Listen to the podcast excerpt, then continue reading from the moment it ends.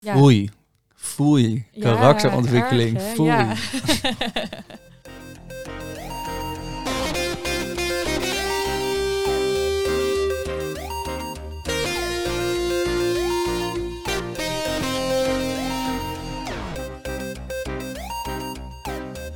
Hey, leuk dat je luistert naar deze aflevering van de Paagman Tipboeken podcast. Mijn naam is David en ik ben jullie host samen met Brit. Ja, ik zit er weer. Denk je dat iedereen eh, inmiddels ons al wel kent, David? Of eh, moeten we ons eigenlijk nog weer een keertje introduceren?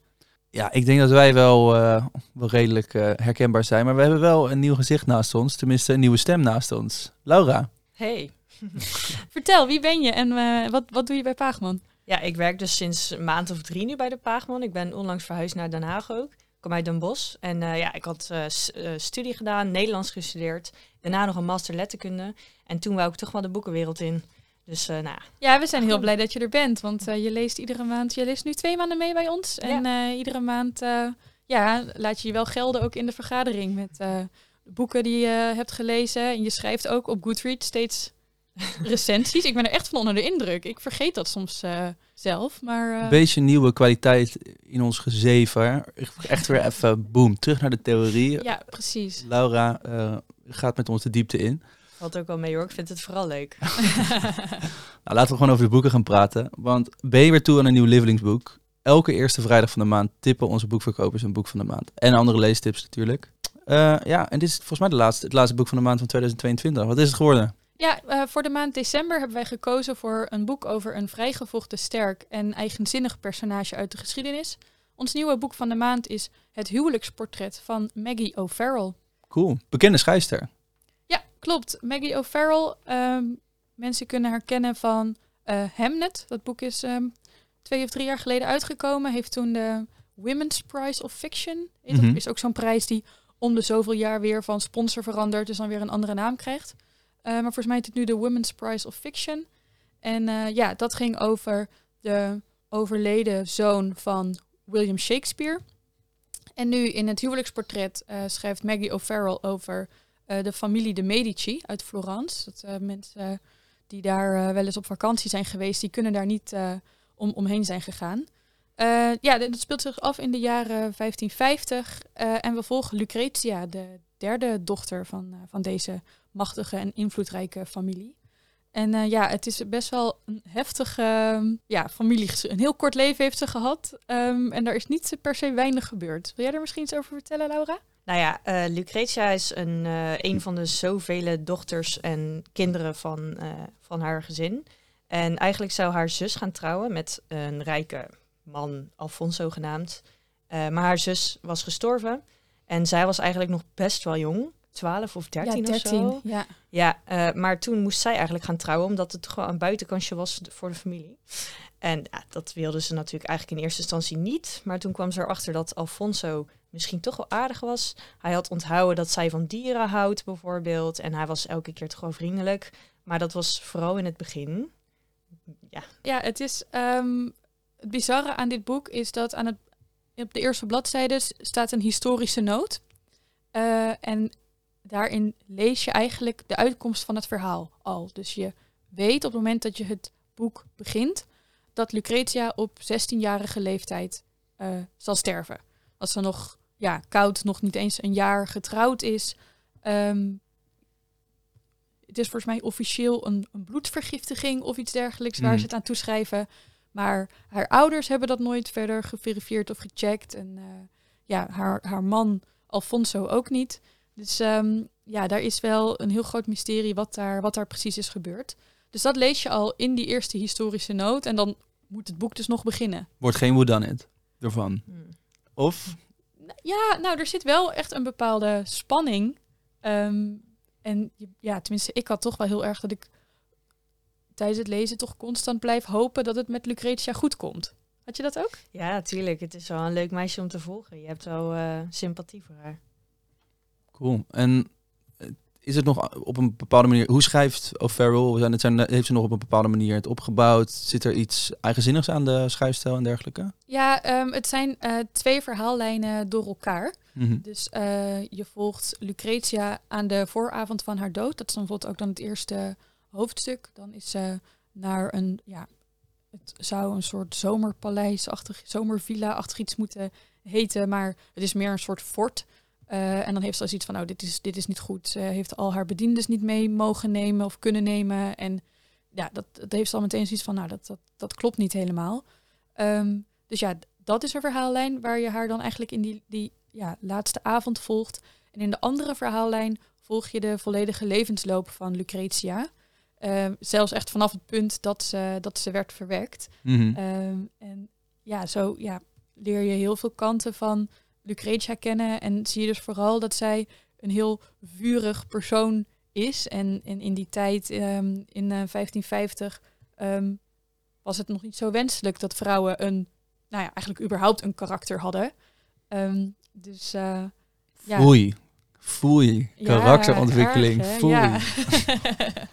Ja, ze was echt duidelijk vooral daar eh, om, eh, om één doel. Het maken van een kind. Ja. Dat was eigenlijk echt het enige waar ze haar voor op het kasteel wilde hebben. En ehm, thema's zitten dus... Is het ook in die zin een beetje een feministisch-achtig verhaal... waarin dat beeld wordt eh, tegengewerkt? Dat, of tenminste dat, daar, dat het eigenlijk die oneerlijkheid daarvan... de injustice daarvan wordt... Ja, ik denk, ik denk inmiddels dat het al geen geheim meer is dat dat, dat soort boeken toch wel eh, favoriet zijn bij ons, eh, bij ons boek van de maandteam. Ehm ja, vooral ook ehm, in, ehm, ja, in de afgelopen jaren is er toch wel een soort van nieuwe traditie een beetje ontstaan met eh, hervertellingen van, ja, van geschiedenisverhalen. Ehm, ja, Stephen Fry's mythos was natuurlijk gigantisch en eh, ook Madeline Miller, die zullen heel veel mensen ook wel haar boeken The Song of Achilles of het lied van eh, Achilles en eh Kierke, ik weet nooit precies hoe je die naam moet uitspreken, Kierke. Kerken, ja. Kierke. Ja, wat toch wel echt koplopers in de historische verhalen zijn. Ehm, nou ja, Maggie O'Farrell zelf natuurlijk dus, met, eh, met haar een aantal jaar geleden. Ehm, en ja, dit is ook weer zo'n boek waar je toch, ehm, ja, toch ook wel een beetje met een hedendaagse 21e eeuwse blik en ook wel soms gevatte humor of zo, ja, op die verhalen van vroeger terugkijkt. Want misschien is dat voor Laura misschien een vraag vanuit mij ook. Want ik ben hierin toch een beetje ontweten. Historical fiction was bij Engels, bij de afdeling, ook altijd een beetje mijn Achilleshiel. Want ik begrijp nou niet helemaal wat een boek historical fiction maakt. Vergeleken met literatuur dat zich gewoon afspeelt vroeger. Want ik bedoel, als ik eh, een, boek van Thomas Mann of van eh Gregory Conrad of dergelijke in, in, in, in, eh, Hongarije van, het, van 1950 lees, dan noemen we het geen historical fiction. Of een boek wat zich afspeelt in 1800 noemen we dan ook soms net geen historical, maar soms weer wel die lijn lijkt heel arbitrair. Maar ik weet misschien zit daar iets anders achter. Ja, ik snap wat je bedoelt. En nu ik dus de afdeling literatuur beheer bij de Baagman, heb ik daar ook zeker wel over nagedacht. Omdat soms mensen naar me toe komen en zeggen, waar heb je historische fictie staan? We hebben dat hier ook niet apart staan of zo. En, maar ik, ik weet het dus eigenlijk ook niet. Dat is een beetje mijn antwoord. Want als je er zo over nadenkt, kunnen bijna, bijna alle boeken wel tot de historische fictie behoren.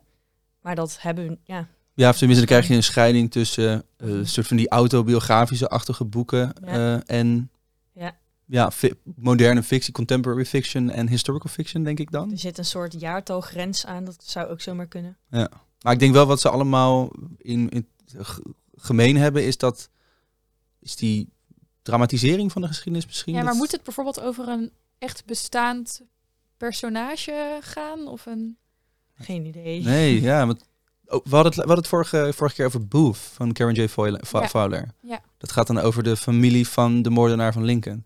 Maar toen hebben we hem niet opgeworpen als een soort van historical Kijk, fiction. hebben- eh. ja. ja, dat is waar.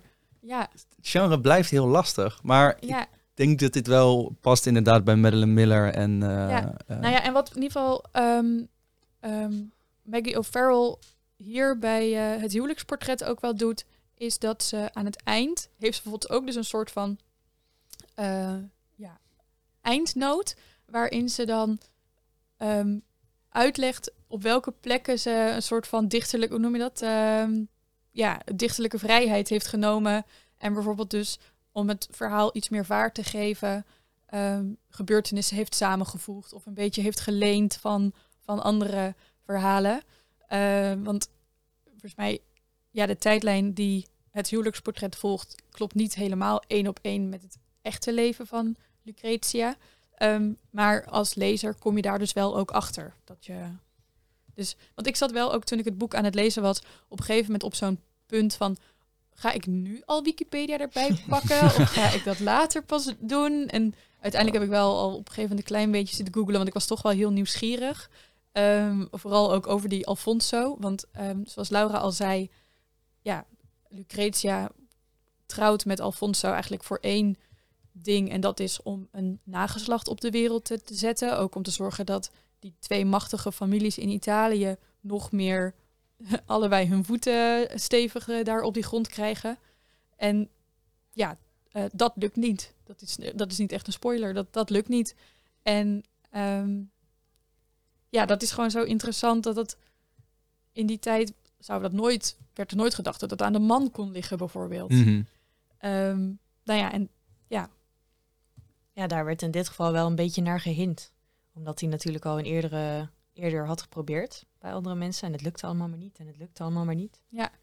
ja, en dan ga, ik, dan ga ik dus toch op Wikipedia opzoeken of er toch eh, of ik door kan klikken naar eh, kinderen van hem. En Ja. ja. ja. En dan kom je in een Wikipedia binge en dan eh, een half uur later ben je weer terug bij je boek. Ja, precies. Ja. ja, dan denk je, oh ja, wacht, ik was aan het lezen. Ja. Klinkt als een ideaal boek om ook te tippen tijdens de feestdagen. Want eh, vooral met het oog op, de, op het succes van Madeleine Miller en, en boeken zoals, eh, zoals deze categorie. Maar zijn er ook dingen, een soort van een notitie vooraf, ook aan de lezers die we het aanraden? Zijn er dingen waar rekening mee gehouden moet worden? Is het voor elke lezer? Proberen we wel natuurlijk altijd, maar misschien dat jullie nog side notes hebben.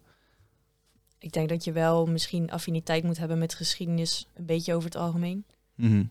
Maar verder is het toch wel een vrij algemeen Allrounder. liefhebbend boek, denk ik. Ja, ja, ik, ja, ik vind zelf de schrijfstijl gewoon heel fijn. Ik vind het heel knap hoe Meg O'Farrell gewoon scènes helemaal weet te schilderen. Ja, het gaat over een, een portret, maar ze schildert zelf eigenlijk ook wel echt... eh, ook ja, hoe ze stoffen omschrijft of, of ruimtes. Ja, goede Ja. details ook. Ja. Ja. Ja. Gaaf. Maggie Will Ferrell, The Marriage Portrait. In het Engels, maar in het, eh, sorry, ja, Engels afdeling. Mag hoor, David. Ik Nederlandse- krijg het niet uit je. Ik snap het. Het huwelijksportret natuurlijk. Laten we bespreken welke boeken jullie nog meer hebben gelezen en die het niet zijn geworden, maar wel het, eh, het aanraden waard zijn.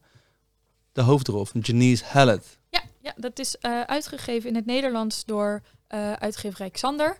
En ehm, ja, dit boek is wel echt een heel origineel en cool concept. Eh, toen wij het gingen lezen, wisten we nog niet eigenlijk helemaal precies eh, wat voor boek het zou zijn. Ehm, maar het is eigenlijk een soort puzzelthriller waar je als lezer ook een actieve rol in kan nemen.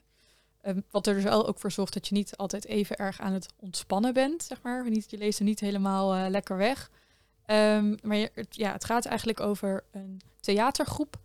Eh, die zijn een toneelstuk aan het opvoeren. Of zijn eigenlijk aan het repeteren voor een toneelstuk. Als blijkt dat de kleindochter van de regisseur eh, een hele heftige vorm van kanker heeft. Eh, het kleindochtertje is, twee jaar. Ehm, en ja, dat zetten de, de, de boel op stelte. En ze gaan een grote inzamelingsactie starten voor een experimentele ehm, hoe noem je dat, behandeling. En ehm, ja, je kijkt als het ware over de schouder mee van twee rechtenstudenten. Charlotte en Femi heten die. Die ehm, door middel van bewijsstukken en met name e-mails erachter moeten komen wie de moordenaar is.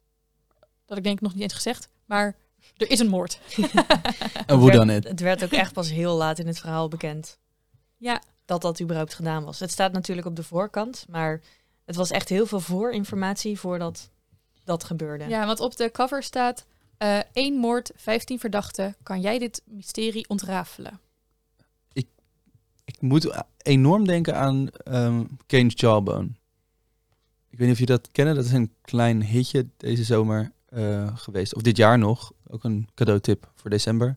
Maar dat is ook een, een thriller die verkeerd uit de drukker is gekomen. Tenminste, niet ook een thriller. Die, maar dat is een thriller die verkeerd uit de drukker is gekomen. En de bladzijden zitten, op, eh, zitten verkeerd in dat boek. En die moet de lezer moet die bij elkaar rapen. Ook een beetje conceptueel. Maar expres. Ja, expres. Dus tenminste, het, is, het verhaal gaat dat het per ongeluk is gebeurd, maar ze hebben er nu een wedstrijd van gemaakt wie dat Ah. kan. En zo kan je ook de moord oplossen. Kleine side note, maar het lijkt er en ook... hoe heet het boek? Ik, ik heb het Kane's, Ja- gemist. Kane's Jawbone is dit. De wedstrijd is geopend. Het kan ingestuurd, de oplossingen kunnen nog ingestuurd worden voor 200 pond prijs. Eh Zo. leuk klinkt cadeauboekje. Maar ja, dan Ja. moet je wel voor 31 december dat hele Oké. ding. We gaan dit ehm, even noteren op paagman.nl slash podcast, mocht je hier eh, benieuwd naar zijn. Nou, om, om je ook uit te dagen, er zijn nog maar twee mensen in de hele wereld die het ooit hebben opgelost. iemand in 1929 en iemand, een comedian in, uh, in coronatijd. Maar uh, waarom ik het oprakel, Ja, ja. is, is het zo conceptueel? Is het leesbaar wat je, wat je, wat je zegt? Of is het echt wel zoeken, zoeken, notities maken en... Nee, om heel eerlijk te zijn, zat er naar mijn idee wel gewoon al een oplossing in. En we lezen een beetje met Charlotte en Femi mee. En het wordt natuurlijk wel echt pas op het einde duidelijk, maar ik hoefde niet per se zelf na te denken. Nee, jij bent, hebt niet met een notitieblok eh, dit boek eh, Zeker zitten, niet. eh, Zeker zitten lezen. En over dat ontspannende gedeelte was het gedeeltelijk niet, maar gedeeltelijk ook wel, omdat je toch korte, eh, makkelijke e-mails leest tussen twee vrienden bijvoorbeeld. Dus gedeeltelijk ook weer, ja. Daar heb je wel over gehoord inderdaad. Er zijn ook echt e-mails in afgedrukt. Het is Ja. niet... eh, het is best Geen onconventioneel. tekst. Het is echt alleen maar e-mails en politieverslagen en brieven. Oh. Ja, en sms'jes en zo. Ja. Ja. Ja. ja. dus, en ja, wij zaten dus bij de vergadering van, oh ja, aan wie, aan wie zouden we dit boek nou tippen? Eh, en toen dachten we toch, ja, zo- zo'n boek lijkt, lijkt ons heel leuk om bijvoorbeeld ehm, klassikaal te lezen op de middelbare school. Omdat het dus ja, korte tekst, stukken tekst zijn, omdat het dus e-mails zijn, is het redelijk toegankelijk voor, voor iedereen. ehm, ja, of je nou snel leest of niet. En ja, kan je daar ook dus wel met elkaar al snel over praten. Van, oh, wat denk jij? Ehm, de, de mensen die erin voorkomen, ja, die kunnen natuurlijk in die e-mails ook de waarheid een beetje verdraaien. Of ehm, ja, je moet wel altijd een beetje op scherp staan of zo. Mhm. Ja. En niet het boek van de maand geworden. Komt dat ook door dit? Het is toch wel dus het avontuurlijke, het eh, onconventionele misschien ervan. Of het andere minpunten? Ik denk dat gewoon sowieso het huwelijksportret leuker was. Dat is een, een groot gedeelte van het waarom. Mhm.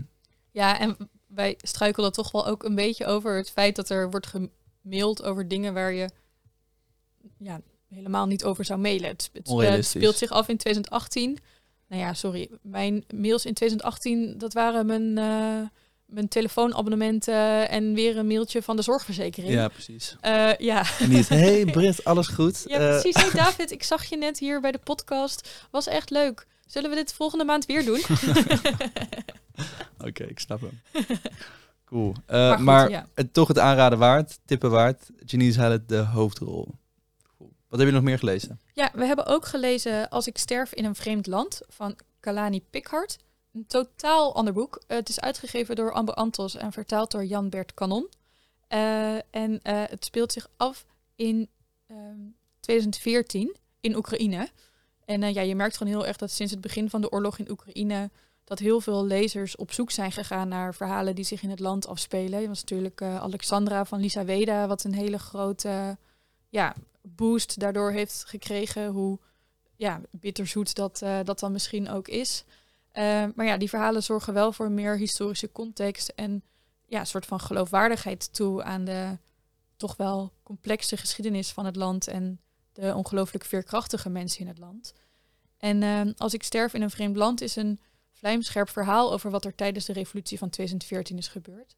En daarin volg je vier verschillende mensen tijdens die ja, bizarre tijd. Dat is eh, in een notendop, denk ik. Het is eh, ja, een arts, een voormalig ehm, KGB-agent, een ingenieur en een activist die je volgt. Eh, en ja, de schrijfstijl is redelijk fragmentarisch. Daar kon jij niet helemaal, vond jij niet helemaal top, toch? Nee, dat viel me echt eigenlijk gelijk op, dat fragmentarische. Het was heel erg, hij doet dit en hij doet dat. En dan pakt hij dat. En dan Ja, dat kan, kwam er niet zo... ja, dat kan opmoedigend werken. Voor, vooral als je een boek wil waar je even in kan verdwijnen, dan is dat soms een soort van... Ja, Ja. ja. en ik vond het dus juist heel ritmisch en bijna poëtisch. Ehm, maar ja, daardoor kwamen we inderdaad al heel snel met de boek van de maandvergadering erachter dat, nou ja, dat smaken verschillen. Mhm. En eh, ja, ja, het is eigenlijk inderdaad als lezers die van meer verhalende fictie houden, zullen misschien dus niet zo lekker in het verhaal komen.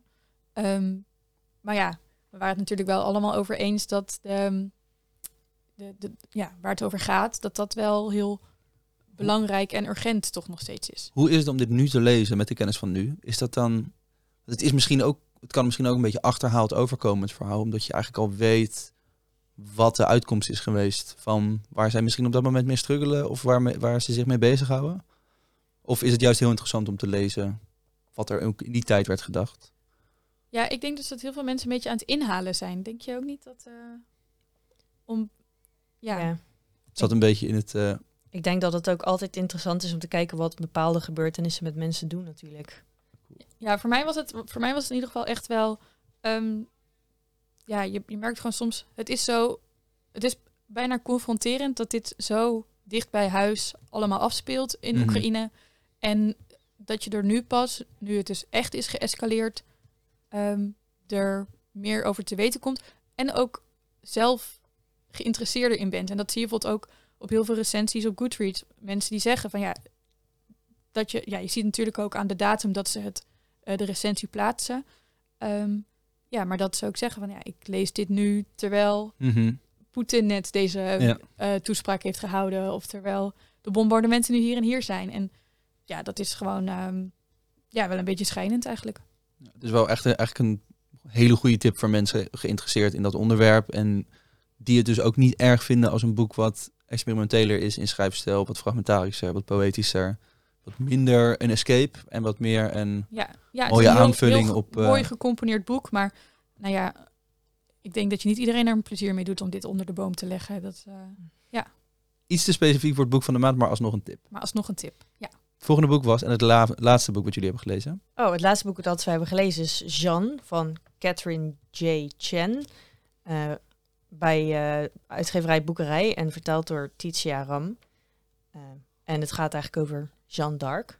Historische figuur ook, nogmaals weer een historische roman. En we volgen eigenlijk het leven van Jeanne d'Arc van, van, vanaf haar als kind echt. En in haar familie in het kleine dorpje waar ze is opgegroeid. En hoe ze dan vervolgens het leger, het Franse leger ingaat.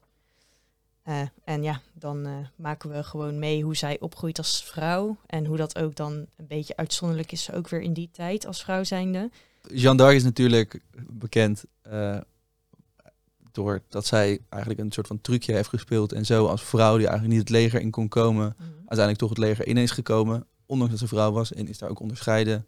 En is nu ook in Frankrijk een super bekend figuur van emancipatie. En ik denk dat zij ook in Frankrijk was die ema- emancipatie altijd net een beetje eerder dan in de rest van de wereld.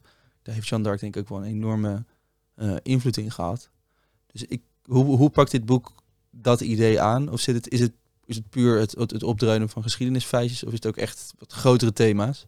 Ja, goed, uh, goede vraag. Want ze, net als bij het huwelijksportret staat achter in dit boek dus ook zo'n noot van, van de auteur.